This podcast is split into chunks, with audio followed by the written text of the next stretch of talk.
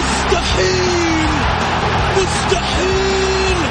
هذا لا يحدث كل يوم! هذه كرة! التسويق جول!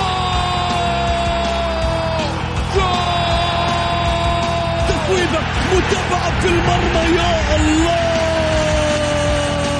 الآن الجولة مع محمد غازي صدقة على Mix FM. Mix FM it's all in the mix. هذه الساعة برعاية موقع شوت عيش الكورة مع شوت عيش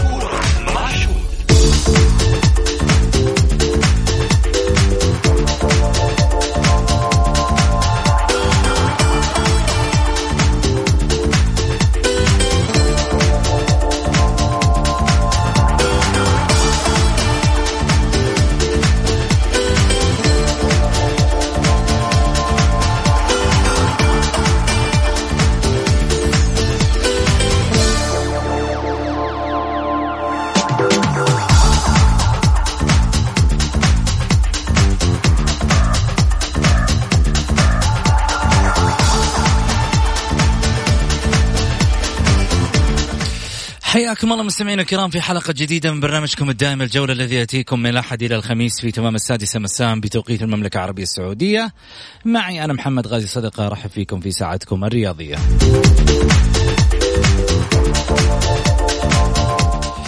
من خلال ساعتكم الرياضية بإمكانكم المشاركة عبر واتساب صفر خمسة أربعة ثمانية, ثمانية واحد, واحد سبعة صفر صفر.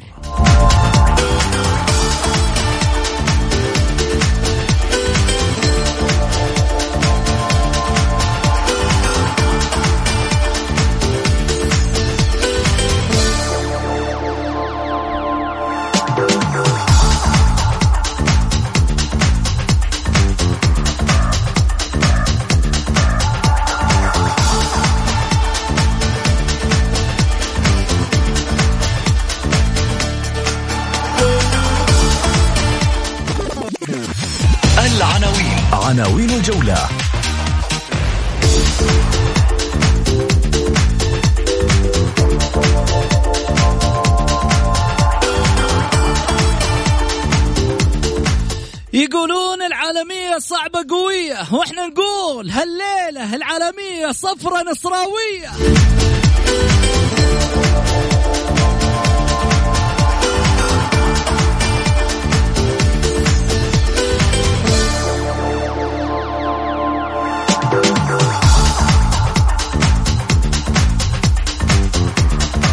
المسابقات تعدل جدول الدوري مثل كل سنة. من بدري يا ناس.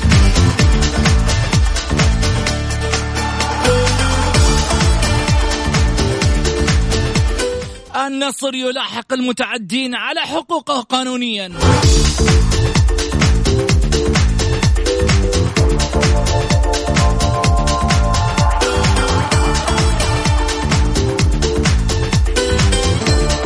وكيف يهدم النصر السد في ذهاب آسيا؟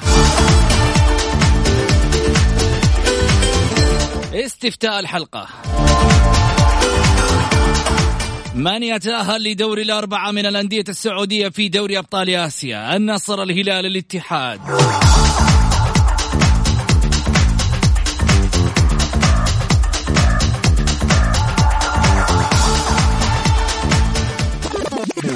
ضيوف الجولة. ضيوف الجولة.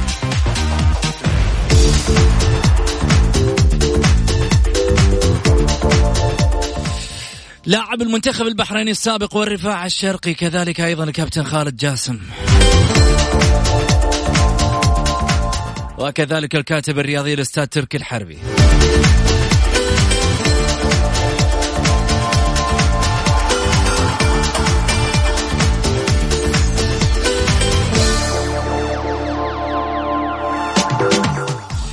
حياكم الله. خلني اولا أرحب على الهاتف معي من مدينة المنامة في دولة في مملكة البحرين الشقيقة. هلا وسهلا فيك كابتن خالد. يا مرحبا. حيا الله كابتن محمد وبضيف الكريم الأستاذ تركي الحربي بضيوفك والمستمعين. وفي هاليوم الكبير دوري أبطال آسيا ودوري الثمانيه اللي كل قاعد ينتظر هذه المباراة الاحر من الجمر بحكم إن ثلاث أندية سعودية إن شاء الله تكون له النصيب الأوفر في الوصول إن شاء الله للمباراة النهائية بدءا من مباراة اليوم إن شاء الله. مشتاقين كابتن خالد والله مشتاقين. وأنا أكثر يا أبو سعود والله أنا أكثر ومشتاق لك أنت بالذات الإخوان الضيوف والمستمعين والجمهور السعودي اللي, اللي بالنسبة لنا إحنا يا أبو سعود الجمهور السعودي هو هو الأفضل على مستوى الوطن العربي بحكم إنه هو عاشق الكرة المحلية والكرة بشكل عام، الجمهور السعودي جمهور كبير، جمهور ذويق، وأنا بالذات أشوف الجمهور السعودي في البحرين وكيف يتفاعل مع كرة القدم وبالذات مع نجوم الكرة السعودية سواء كانوا المعتزلين أو اللي ما زالوا إيه، يبدعون على المستطيل الأخضر.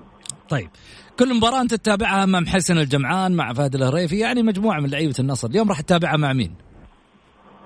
اليوم بكل أمانة آه، أبو سعود دائما يعني المباريات هذه الثقيلة الواحد يبي يستمتع بها بالنسبة لي طقوسي أنا اتابعها لحالي. تدري ليش؟ لأن أستمتع في الأمور الفنية أدقق في الأمور الفنية.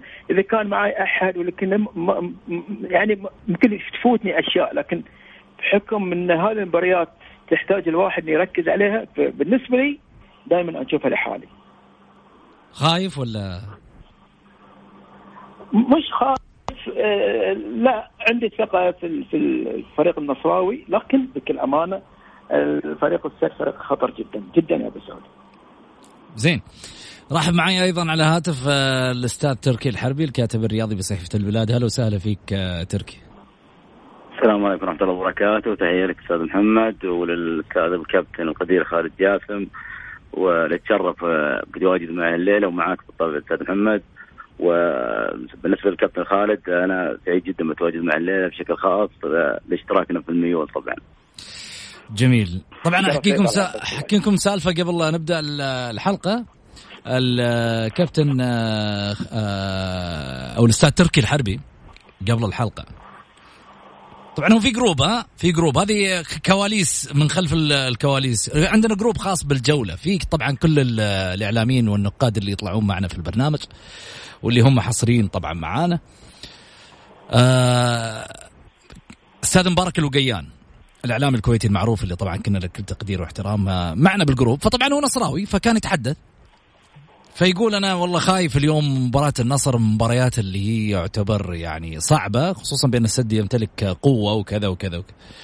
تركي الحربي طبعا معروف ميوله صفرة وزرقاء دخل بالجروب على طول آه، شايل. قال إيش؟ قال آه، الظاهر إنك تتابع مباراة ثانية فانتبه على نفسك و... إيه أنا أنا سويت روحي ما أدري المشكلة اثنينهم نصراوية خالد ها؟ اثنينهم إيه، نصراوية. إيه.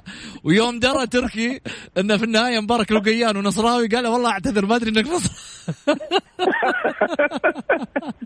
لا لا لا لا لا لا شو قصة نقطة نظام نقطة نظام. لا لا أنا أعرف أعرف الأستاذ الهامة الكبيرة مبارك القيان أعرف ميولة وأعرف أنه حتى ماجدي للنخاء وأعرف هذا. لكن أنا قلت آه إني لو علمت أنه هو المرسل لو انتبهت لاسم المرسل ما تجرأت يعني آه، الأستاذ آه، مبارك القيان يعني مدرسه أتعلم منها. أنا فما كنت أحب إني أرد عليه آه، أعرضه بفكرته فقط. لا لا ما قلت إنه لا من باب الدعابة ليس أقل ولا أكثر. تركي أنا أعرف إنك شخص محترم معروف. جدا وفي نفس الوقت أستاذ مبارك أبو فهد طبعا له قيمة وتقدير والكل يقدره ويحترمه أكيد ما في شك.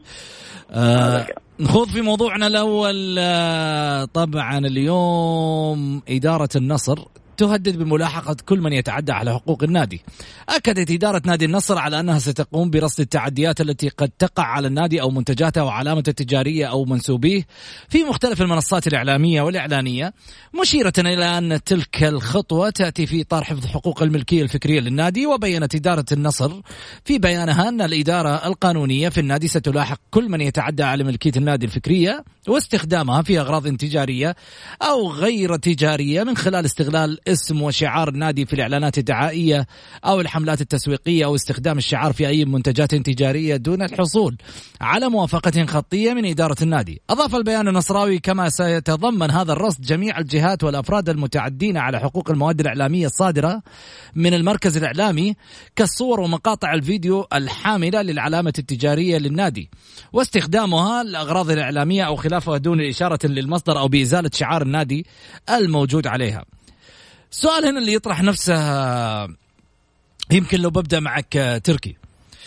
آه، هل يمكن لإدارة النصر حصر مثل هذه المخالفات والرفع فيها للجهات المختصة؟ وكذلك أيضا يعني مو معقولة أنا بصور اليوم مثلا مشهد أو لقطة معينة مثلا للفريق لابد إني أبحث وأحط عليها شعار النادي. طب أنا قاعد أسوي الشغل نفسي مثلا ولنفترض آه، طبعا هذا الموضوع أعتقد إنه ينقسم إلى شقين. آه، في البداية الموضوع يتجاوز النصر لأن في تقريبا عام 2011 كان الاتحاد السعودي بصفه يعني بشكل أكبر من النصر أو بشكل أعم. كان له مبادرة في هذا الشأن بحماية العلامه التجاريه للأندية. وفي حينها في موسم 2011 تقريبا آه، عمل اتفاقية مع وزارة التجارة لمتابعة هذا الأمر. وكان الموضوع يعني يختص بشكل أكبر على المحلات التجارية وهذا. للأسف لم يتم تطبيق هذا الموضوع بشكل فعلي، أما بما يخص النصر يعني بشكل محدد فأعتقد أن أيضا هذا الموضوع أو هذه الفكرة تنقسم إلى جزئين، أول شيء أن الإدارة الحالية في النصر هي إدارة آه، يعني اكاديميا آه، من السلك القانوني. فهذا عندهم اعتقد أن هذا الموضوع يعني يهمهم يهمهم أو من أولوياتهم. آه، متابعة الموضوع بشكل فعلي خارج يعني يعني متابعة ال social media متابعة المحلات التجارية هذا يعني يحتاج إلى عمل كبير جدا من الإدارة وان لا يكون مجرد يعني آه، بيان صادر اليوم وممكن يعني في آه، قادم الأيام ينسى. آه، في فكرة أنا أتمنى أن الإدارة تطبقها أفضل من يعني ما ذكر بالبيان وهي الاستفادة من العلامة التجارية النصراوية. بمنح من يريد الاستفادة منها فعليا يعني سواء بعمل الفيديوهات سواء بشكل شخصي أو تجاري أو حتى من يريد بيع منتجات النادي أن لا يقتصر ذلك على المتجر كما هو حادث حاليا. يتم منح وكلاء عن طريق النادي وبمقابل آه، يعني مبالغ مالية يضعها النادي يتم الاتفاق مع هؤلاء الوكلاء باستخدام أو بإجازة استخدامهم للشعار سواء بمنتجاتهم أو حتى بيع منتجات النادي. بحيث هذا سيكون يعني مردود إيجابي حتى على النادي من مبالغ مالية وأيضا لمزيد من انتشار آه، الأعلام التجاريه للنصر، أما آه، في البيان يعني بشكل مهدد سيتم ملاحقة كل من يستخدم هذا، هل هل هذا يعني انه سيتم ملاحقة الجماهير النصراويه عندما تقوم بعمل مونتاج للاعبين أو آه، النادي بشكل عام؟ هذا موضوع مهم جدا، الجماهير النصراويه عندما تقدم وهي وهي يعني المستخدم تقريبا الأكبر لهذه لهذه العلامة اللي هو شعار النادي، عندما تقوم بعمل فيديوهات للاعبين والنادي، هل سيتم ملاحقة هؤلاء؟ ماذا عن انتمائهم للنادي؟ أنا أفضل أن النادي يعيد صياغة ما ما, ما ذكر في البيان وأن يكون بطلب موزعين أو وكلاء له عن العلامه التجارية بحيث يكون له مردود مادي منها وبذات الوقت انتشار للعلامة تجاريه النصر وتحديد للموضوع بشكل قانوني أعتقد أنه يكون أفضل من ما ظهر بالبيان انه سيتم ملاحقة من يستخدم العلامة. لأن هذا أيضا يشمل الجماهير. البيان لم يستثني الجماهير. فهذا يشمل الجماهير. اعتقد أن البيان يحتاج إلى إعادة صياغة وأن الإدارة استعجلت في طرحه. جميل. طيب آه ناخذ شوي من رسائل الجمهور قبل لا نروح. خالد جاسم آه يقول لك آه بندر جهني من جدة يقول السلام عليكم الأخ محمد. آه طيب جميل. أنت شخص رائع وأنا والله ما لي في الكورة ولكن أسمع البرنامج عشانك. يشهد الله أنا أخوك على رأسي. بندر شكرا لك. بالعكس هذا يدعمنا كثير إنه إحنا نقدم شيء مميز عبر الجولة. آه شكرا لك بندر. يعطيك ألف عافية على هالرسالة.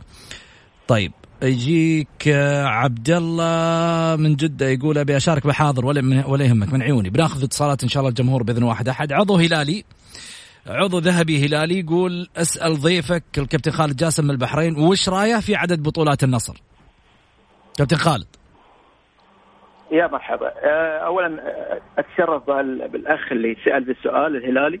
أكيد الهلال والنصر عينين فراس جميع الأندية السعودية لهم مكان وتقدير. والبطولات اللي حققوها أكيد لها مكان وتقدير. ما أتت من فراغ بالذات الأندية الكبيرة سواء كان الهلال أو النصر. ما دام هو سؤال عن النصر أكيد البطولات هذه يعني موثقة وتشهد وتأكد من نادي النصر نادي كبير جدا ليس فقط هذا الموسم والموسم الماضي على مدى آه، إنشاء نادي النصر. اولا نادي النصر ليس فقط بطولات، نادي النصر ارث تاريخ، نادي النصر رجال، نادي النصر آه، لاعبين قدموا للمنتخب السعودي الشيء الكثير ولاعبين نجوم يشهدهم البناء ليس فقط على مستوى الوطن الخليجي لكن على الوطن العربي. جميل. ياسر الصبحي يقول عندي مشاركة معك العالمي. ياسر الصبحي عندي مشاركة حيوية. حاضر ولا يهمك المشاركة الحيوية لازم نسمعها. إن شاء الله بإذن الله في فقرة اتصالات الجمهور. كل اللي ارسلوا لنا طبعا واللي بيراسلونا على الواتساب أكيد نتشرف من خلال برنامج الجولة. أكيد يراسلونا على واتساب 054 88 11700 فقط مشاركة بالجولة أو ترسل رأية وإحنا نقولها live على الهواء اللي أنت تحبه في النهاية إحنا معك على الجولة. تبغى تشوف الحلقة live روح على صفحة الجولة underscore Mix FM في تويتر وتشوفها live وكذلك أيضا إذا بتسمع الحلقة أو فاتتك الحلقة ادخل بس على بودكاست برنامج بودكاست اللي موجود في الآيفون. كل اللي عليك تدخل تسوي subscribe على صفحة الجولة وتشوف البرنامج وتسمعه. حتى لو الحلقة طافت عليك تقدر تسمعها. إضافة على ذلك أنك تقدر تسمع من خلال تطبيق Mix FM Radio الحلقة live ومعادة. يعني كل الأمور تؤدي إلى الجولة. فاصل.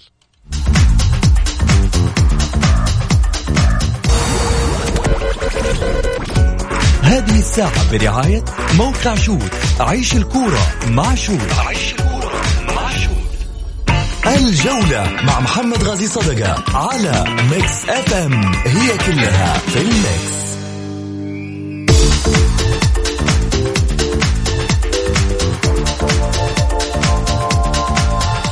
هلا وسهلا وحياكم الله مستمعينا الكرام رجعنا لكم من جديد وأيضا مشاهدينا عبر تويتر. نقول لكم هلا وسهلا فيكم. كل اللي قاعد يتابعنا أكيد على صفحة الجولة underscore Mix FM في تويتر وكذلك على صفحة الشخصية محمد غازي صدقة. خليني أرجع من جديد على واتساب. طبعا اللي حاب يشاركنا أكيد على صفر خمسة أربعة ثمانية, ثمانية واحد, واحد سبعة صفر صفر. يرسل رسالة على الواتساب بالمشاركة أو كذلك أيضا يقدر يرسل رأيه. إحنا نقوله لايف على الهواء. آه، أرجع آه، من جديد في حديثي مع الكابتن خالد جاسم لاعب المنتخب البحريني الأسبق. وكذلك أيضا الكاتب الرياضي في صحيفة البلاد الأستاذ آه، تركي الحربي. هلا وسهلا فيكم. يا مرحبا يا أهلا وسهلا. طيب خلينا نرجع من جديد. كابتن خالد بالنسبة لي كان موضوعنا عن مقاضاة نادي النصر أو إدارة النصر تلاحق كل من يتعدى على حقوق النادي. الحين يا طويل العمر والسلامه لو جيت تبغى تلاحق خلينا نتكلم على مثلا التيشيرتات أو ال أو ال الفنايل أو الأطقم الخاصة بالنادي. اليوم ما عاد صارت بس محلات تجارية. اليوم تقدر تقول كمان الناس يعني قاعدة تشتغل في هذا ال business عن طريق وسائل التواصل الاجتماعي عن طريق مواقع إلكترونية تطبيقات موجودة. شلون راح تلاحق؟ تخلي مين وتروح لمين؟ صحيح. شوف آه، سعود اولا آه، آه، الموضوع من شقين، الشق الأول لازم يكون في جهة هيئة أو وزارة تحمي الحقوق الفكرية. مثل ما قال تركي الحربي سنة 2011 كان في توجه من من الاتحاد السعودي كره القدم بالتعاون مع وزارة التجارة إنه يكون في حقوق حماية الحقوق الفكرية. وهذا يجب ان يكون في حماية بتجدد بشكل سنوي أو كل سنتين بالسياسة اللي تتماشى مع مع مع الوزارات والهيئات عندكم بالسعودية، هذا أول شغلة. لازم يكون في آه، حماية للحقوق الفكرية. هذه تطبق على مستوى العالم بالسعود. ثاني شغلة عملية الملاحقة. لا يمكن أن تلاحق أنت الجميع بحكم أن الآن السوق آه، صار سوق منفتح أو مجالات التقليد أو فلا يمكن أن أنت يعني تلاحق الجميع، لكن عليك انه يكون في تسويق للمنتج بشكل أفضل. branding للمنتج بشكل أفضل كما الحاصل مثلا الآن مع franchise مثلا. في في ال brand المعروف على مستوى العالم تفتح لها فروع على مستوى العالم. نادي النصر ليس نادي محلي إنما نادي على مستوى الوطن العربي معروف. لذلك عملية التسويق لهذا ال brand لهذا العلامة التجارية يجب أن يكون بشكل أفضل. استغلال هذه العلامة التجارية ونشرها على على على نطاق الخليجي والعربي. هذا بالنسبة لي هو الأفضل. أما ملاحقة الجميع هذه أعتقد يعني شيء آه، يعني صعب جدا جدا جدا. جميل. يعني خلينا نقول إنه إحنا يعني نهتم في جانب ممكن يكون آه، أفضل واضح للجمهور. بدل ما إنه الواحد قاعد يكثر عليه أعباء وإنه أنا ألاحق هنا وأسوي هنا خلي أدور أول شيء الفوائد والمصلحة للنادي. خليني اسوق البراند الخاص فيني أنا كنادي. يعني أنت في جوانب كثيرة ناقصتك. خليني أقول لك شغلة. النادي بدل ما تلاحق قانونيا وقاعد تدور شلون تكسب من مثل هالقضايا دوروا شلون تقدر تسوق للعيبة. إحنا للأسف ندور النواحي السلبية قبل الإيجابية. طب يا جماعة دور النواحي الإيجابية. أشتغل أول شيء على اللعيبة اللي عندك خليهم brand. مثلا واحد زي وا... زي حمد الله. اليوم صار brand عندك في الفريق. ليش ما تقعد تشتغل عليه marketing وتشتغل عليه مثلا بيع منتجات تشتغل عليه مثلا من الشركات الدعائية تشتغل عليه مثلا من من نواحي وانت بكرامة أيضا الشوزات اللي يرتديها. مثل ما نشوف برا كريستيانو رونالدو ميسي اللعيبة هذول. صحيح. هالحين صحيح. ما يلبس شيء في الملعب إلا مدفوع قيمته. إحنا ابو سعود يمكن هذه النقطة اللي, اللي نعاني منها. يعني أنا أتكلم على مستوى الوطن أو مستوى الخليج. يمكن إحنا في البحرين بشكل أكبر. السعودية عندكم جميع المقومات موجودة. الجمهور الرياضي العنصر البشري العنصر المادي الكثافة السكانية حب اللعبة. لذلك صناعة النجوم عندكم بشكل أسهل. لذلك تحتاج يحتاجون الأندية تحتاج لعملية تسويق brand تحتاج خصخصه أو تخصص. إحنا عندنا يا أبو سعود معظم الإداريين ما في تخصص تخصص لكل حاجة. تخصص في التسويق تخصص في ال market تخصص في القانون. فهذه الأمور إحنا نجهلها. لذلك عملية ال branding والتسويق أعتقد بالنسبة لي وجهة نظري متواضعة جدا السوق السعودي سوق آه، مفتوح ومهيئ لعمل البراندنج جميل. آه لو سمحت لي أستاذ محمد تفضل بما أنك ذكرت حمد الله بشكل خاص. آه للأسف الشديد ومن خلال يعني متابعتي لل سواء القنوات اللي على اليوتيوب أو حتى الصحافة المغربية والإعلام المغربي هناك استفادة من شعبية حمد الله الحالية واللي لا نقول صنعها النصر ولكن التي توهجت في النصر استغلال كبير جدا جدا لها في المغرب خصوصا في آه، طبعا اوساط الشباب وقرية اسس التي هي مسقط رأسه.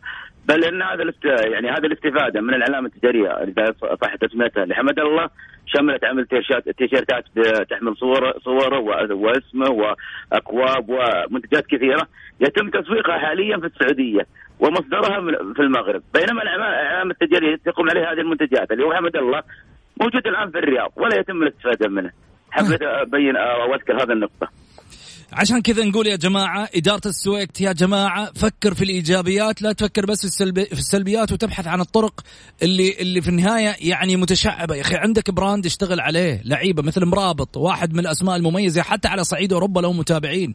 واحد من اللاعبين المميزين عندك بيتروس عندك عندك قامات تقدر تشتغل عليها. نجوم في أرضية الملعب. يعني أستغرب في النهاية إحنا ننظر للنواحي السلبية قبل الإيجابية وفي النهاية يقول لك والله نبغى نبغى نغلق على مساحة معينة.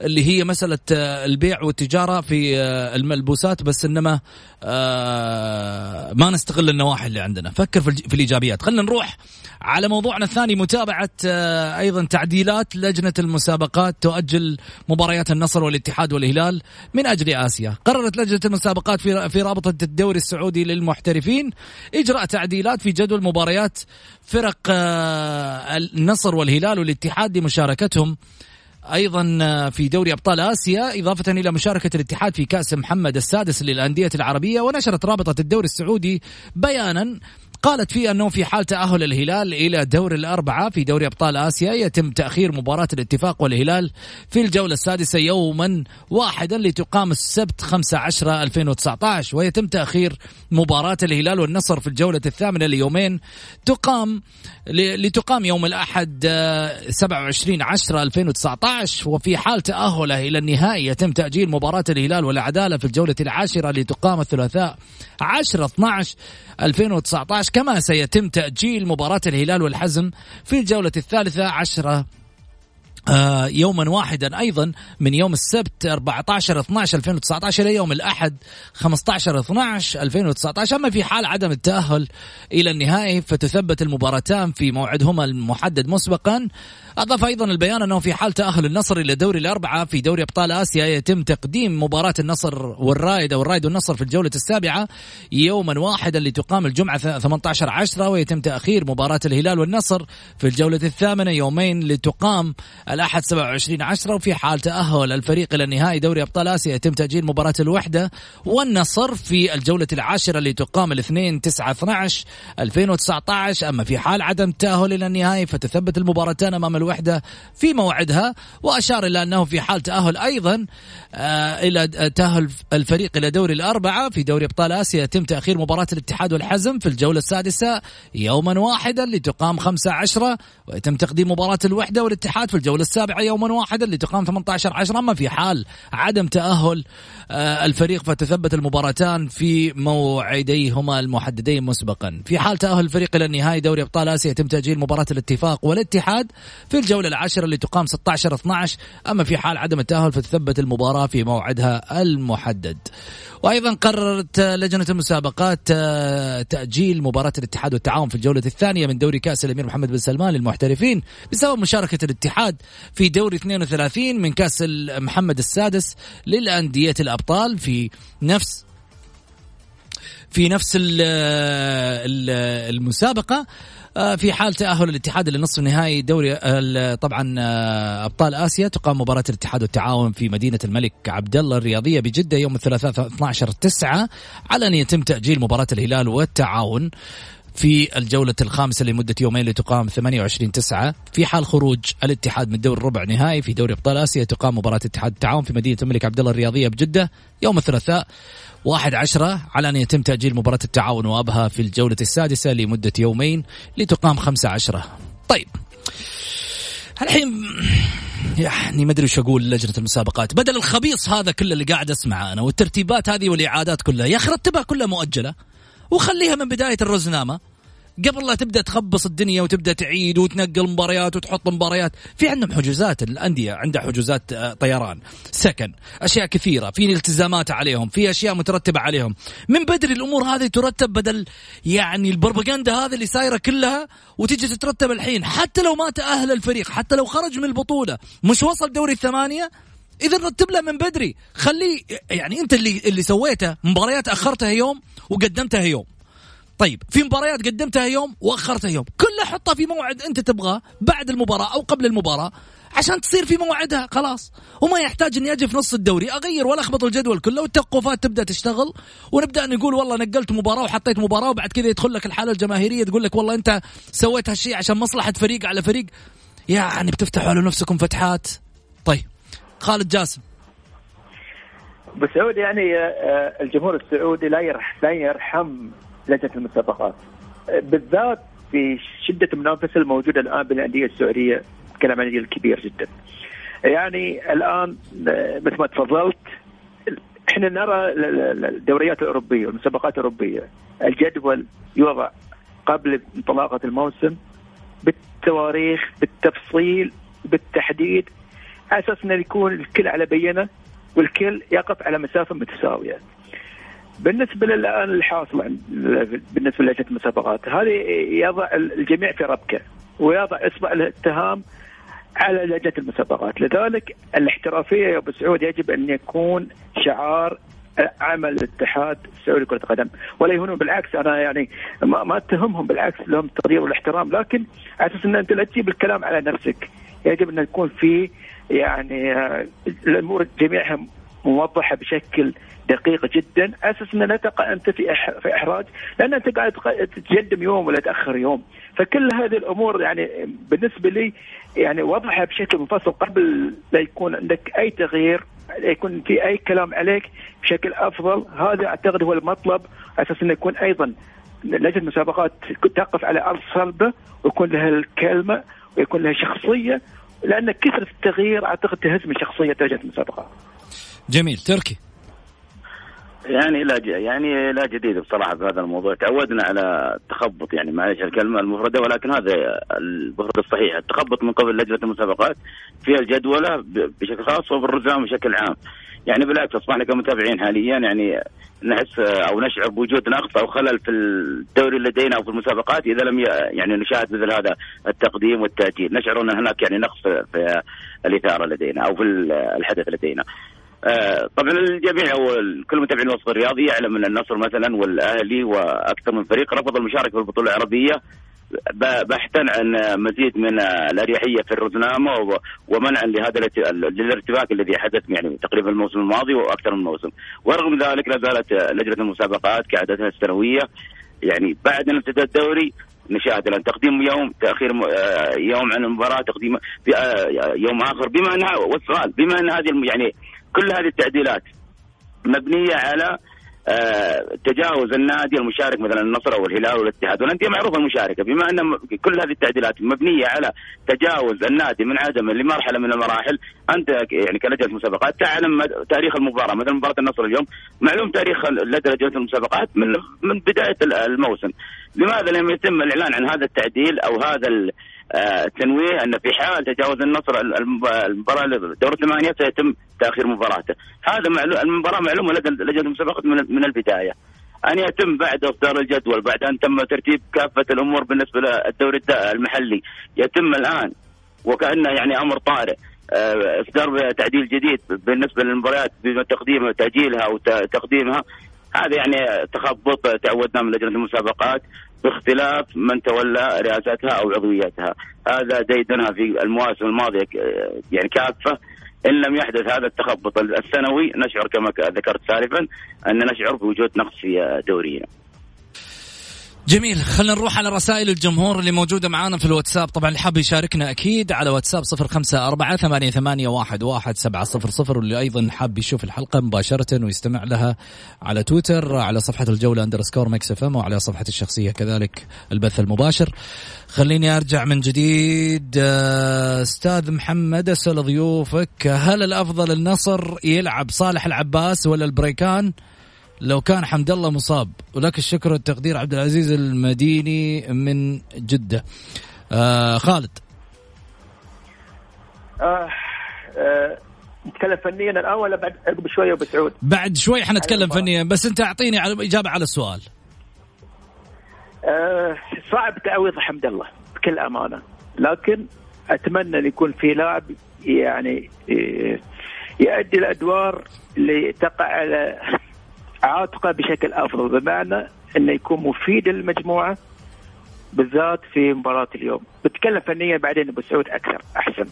سم آه نروح حق الحارس الأسترالي. السلام عليكم ورحمة الله. بالتوفيق لممثل الوطن اليوم نادي النصر هدى الفهمي طبعا. آه لكن المباراة صعبة جدا على النصر. فريق السد منظم وقوي ويملك خط هجوم قوي جدا جدا. الحارس الأسترالي ليس بذلك اللاعب القوي في الحراسة والدفاع غير جيد ولديه أخطاء وأبعاد اللاعب البرازيلي وأبعاد اللاعب البرازيلي أيضا مؤثر على ذلك. تركي. آه، في نقطة بالنسبة لبراد جونز بشكل خاص اللي هو الحارس الأسترالي، أنا أعتقد أن الكثير من الجماهير النصراوية وربما يعني الوسط الرياضي بشكل عام يقسو على هذا الحارس اللي يعني في أكثر من مرة أنا ذكرته بشكل شخصي أنها أن وجود حارس آتى من الدوري الإنجليزي يعني لعب في الدوري الإنجليزي لسنوات والحارس أيضا منتمي لأقوى منتخب في القارة لمنتخب أستراليا. ان يتم عليه القسوة بسبب خطأ أو خطأين كما يراها البعض. أنا أعتقد إن هذا شيء غير غير جيد لا بالنسبة للحارس ولا بالنسبة للنصر. برايد جونز كان له دور كبير جدا في تحقيق النصر للدوري الموسم الماضي وب يعني بمواقف مشهودة جدا لمن أراد العودة لها وفي البطولة الآسيوية له مواقف كبيرة جدا أنا أعتقد أن الحالة التي خرج فيها أمام تيجالي والبعض لام عليها أنا بالعكس أنا كنت يعني معجب جدا بهذا التصرف من الحارس لأن اللاعب أو قام بقام الليبرو في الفريق أنقذ النصر من حالة انفراد تامة جدا لتيجالي لو لو تمكن منها اللاعب لانتهت المباراة لصالح الوحدة الإماراتي. هذا التصرف الذكي والنا والنا يعني والصادر من خبرة كبيرة جدا لدى الحارس ابقى النتيجة على ما كانت عليه ثم النصر استطاع بنهايه المطاف تجاوز الوحده الإماراتي. جميل، حنطلع فاصل قصير وبعد الفاصل حنتكلم عن النواحي الفنية ويشاركنا الجمهور من خلالها عبر الواتساب، طبعا يرسل مشاركة بالجولة إحنا نتصل عليه ونتواصل معه ويطلع لايف هوا أكيد آه، مع خالد جاسم وترك الحربي أكيد من خلال البرنامج. على واتساب 054 88 11 700 فقط عليكم تستمعون للأذان ونرجع ثاني مرة في حديثنا. الجولة مع محمد غازي صدقة على Mix FM هي كلها في ال Mix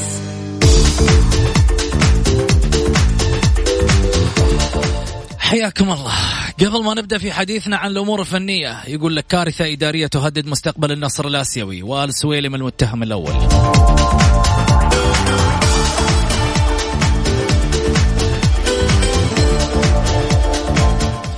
شهدت الساعات القليلة الماضية مفاجأة صادمة بشأن مستقبل نادي النصر في بطولة دوري أبطال آسيا لعام 2020 يشارك النصر في بطولة دوري أبطال آسيا لعام 2020 باعتباره بطل أغلى نسخة في تاريخ الدوري السعودي.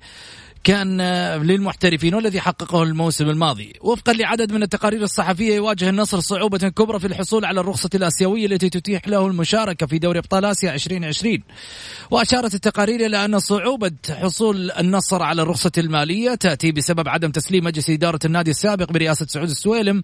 الأمور المالية والإدارية للمجلس الحالي بقيادة صفوان السويكت. وأوضحت أن عدم انتهاء إجراءات التسليم والتسلم تسببت في عدم إنهاء إنهاء النصر حتى الآن بعض القضايا والمستحقات المتأخرة على النادي وبالتالي عدم الوفاء بشروط الرخصة الآسيوية.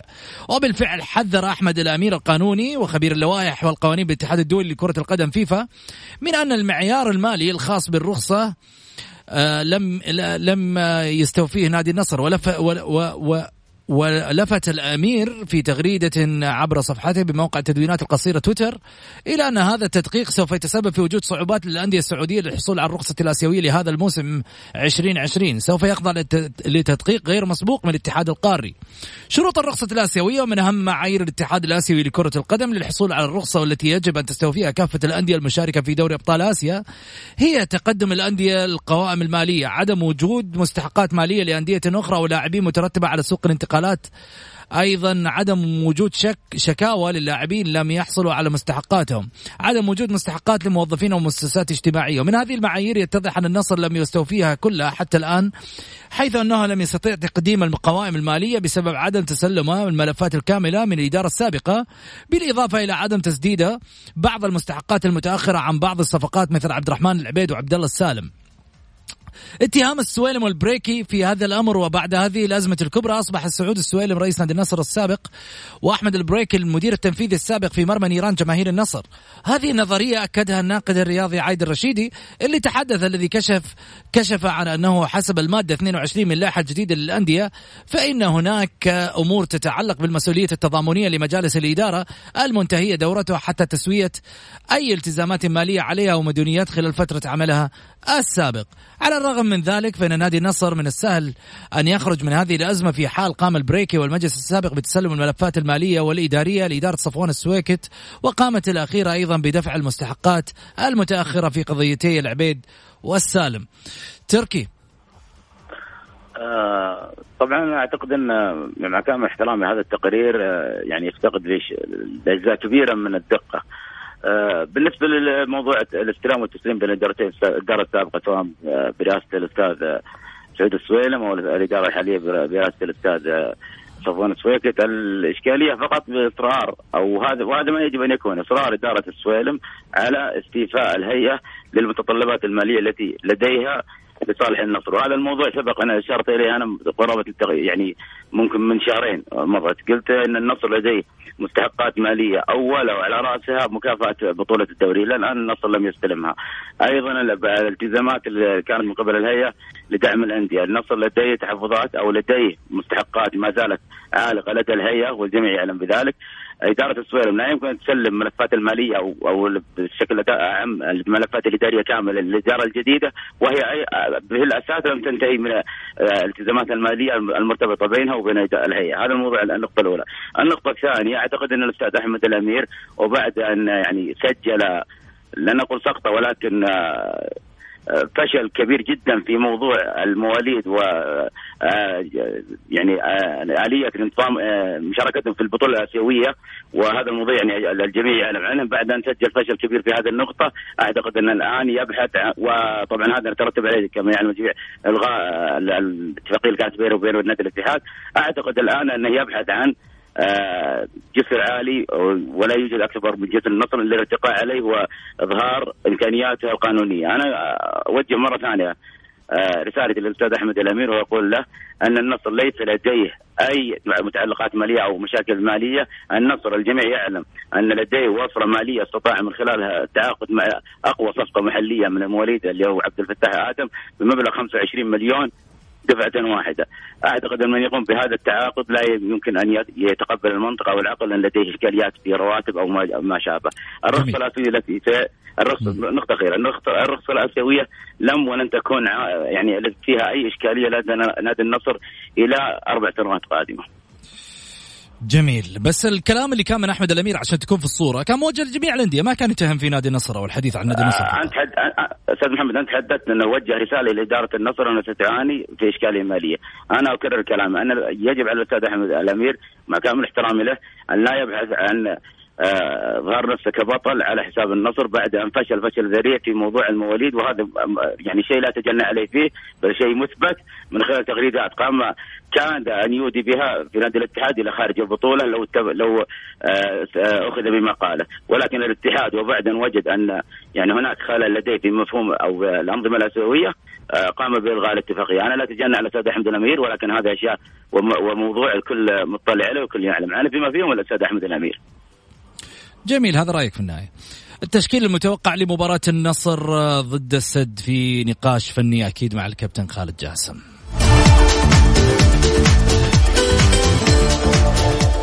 يحتضن ملعب الملك فهد الدولي بالعاصمة السعودية الرياض في الثامنة إلا ربع مساء. الاثنين اليوم المباراة المرتقبة التي تجمع بين ناديي النصر السعودي والسد القطري في ذهاب دوري الثمانية بمسابقة دوري أبطال آسيا. من المنتظر أن يدخل البرتغالي روي فيتوريا المدير الفني لنادي النصر السعودي. مباراة السد بتشكيل يضم كل من براد جونز في حراسة المرمى سلطان الغنام عمر هوساوي عبد الله مادو عبد الرحمن العبيد وعبد الرحمن الدوسري وعبد الله الخيبري نور الدين مرابط جوليانو وفهد الجميعة وفراس البريكان. فيما تحوم الشكوك حول مشاركة المهاجم الدولي المغربي عبد الرزاق حمد الله بسبب الإصابة. في حين ينتظر أن يدخل تشافي هرنانديز المدير الفني لنادي السد القطري مباراة النصر السعودي بتشكيل يضم كل من ساعد عبد الله الدوسري في حراسة المرمى عبد الكريم حسن وكذلك أيضا آه، طارق سلمان وبيدرو ميغل ووي آه، يونغ وسالم الهاجري وجابرييل آه، هرنانديز. وكذلك أكرم عفيفي عبد العزيز الأنصاري وعلي أسد آه، علي أسد وبغداد بو نجاح. مدرسة برتغاليه وأسبانية بينهم تحدي كبير وتطور دائم. من تتوقع أن ينجح كابتن خالد؟ آه شوف آه، بس آه كرة القدم هي حالتين هجومية دفاعية. الفعالية في الحالة الهجومية الفعالية في الدفاع الحالة الدفاعية. من يستطيع أن يكسب هذه الحالتين الفعالية هو راح يفوز. نادي السد بكل أمانة فريق يلعب الكرة السريعة يلعب الكرة المباشرة. الإيجابية فريق يمرر بسرعة فريق يحرك التنظيم الدفاعي للفريق المنافس بمعنى يخلخل التنظيم الدفاعي بالتمرير السريع بالحركة السريعة. وهذه صعب جدا لأن أنت آه، المساحات أو المسافات بين اللاعبين المنافس الحاله الدفاعيه راح توسع. وهذا اللي خايف أنا عليه بنادي النصر لو نجح نادي السد في هذه العملية. لأن نادي السد بكل أمانة خطر جدا في هذه الناحية. على نادي النصر الحالة الدفاعية أن يكون فعال بطريقة انه يغلق زوايا التمرير يكون قريب جدا من من, من بعض. أيضا يمنع نادي السد من عملية التمرير بمعنى أن يكون لصيق للاعبين نادي السد. نادي النصر في الحالة الهجومية البريكان يجب عليه انه يكون لاعب يشغل قلوب الدفاع ليفرق الخانات لجوليانو بالذات جوليانو في المباراة الأخيرة مع حمد الله شفنا أكثر جرأة يتقدم أكثر من منطقة 18 ويسجل أهداف. طيب. أنا وجهه نظري أيضا خطوره خطورة النصر وين؟ جوليانو جوليانو نعم وممكن إضافة من عبد الرحمن الدوسري ليش؟ لاعب صغير لاعب ارتكاز ممكن عنده يكون يعني ارتكاز ومحور بمعنى طيب. إنه يأتي من الخلف ممكن هو يكون الخطورة منه أتمنى. أيضا مرابط مرابط في العرضيات لكن غياب حمد الله يجب ان يستغل نادي النصر في عملية البريكان إنه يشغل الفراغ ويكون في في حركة عكسية من جوليانو ويتقدم أيضا من عبد الرحمن دوسري كلاعب يملك عنصر مفاجاه. جميل. كابتن خالد جاسم أيضا لاعب المنتخب البحريني شكرا لك. تواجدك معنا ببرنامج الجولة. وصلنا لختام حلقتنا مستمعين الكرام إن شاء الله. فنقول بعد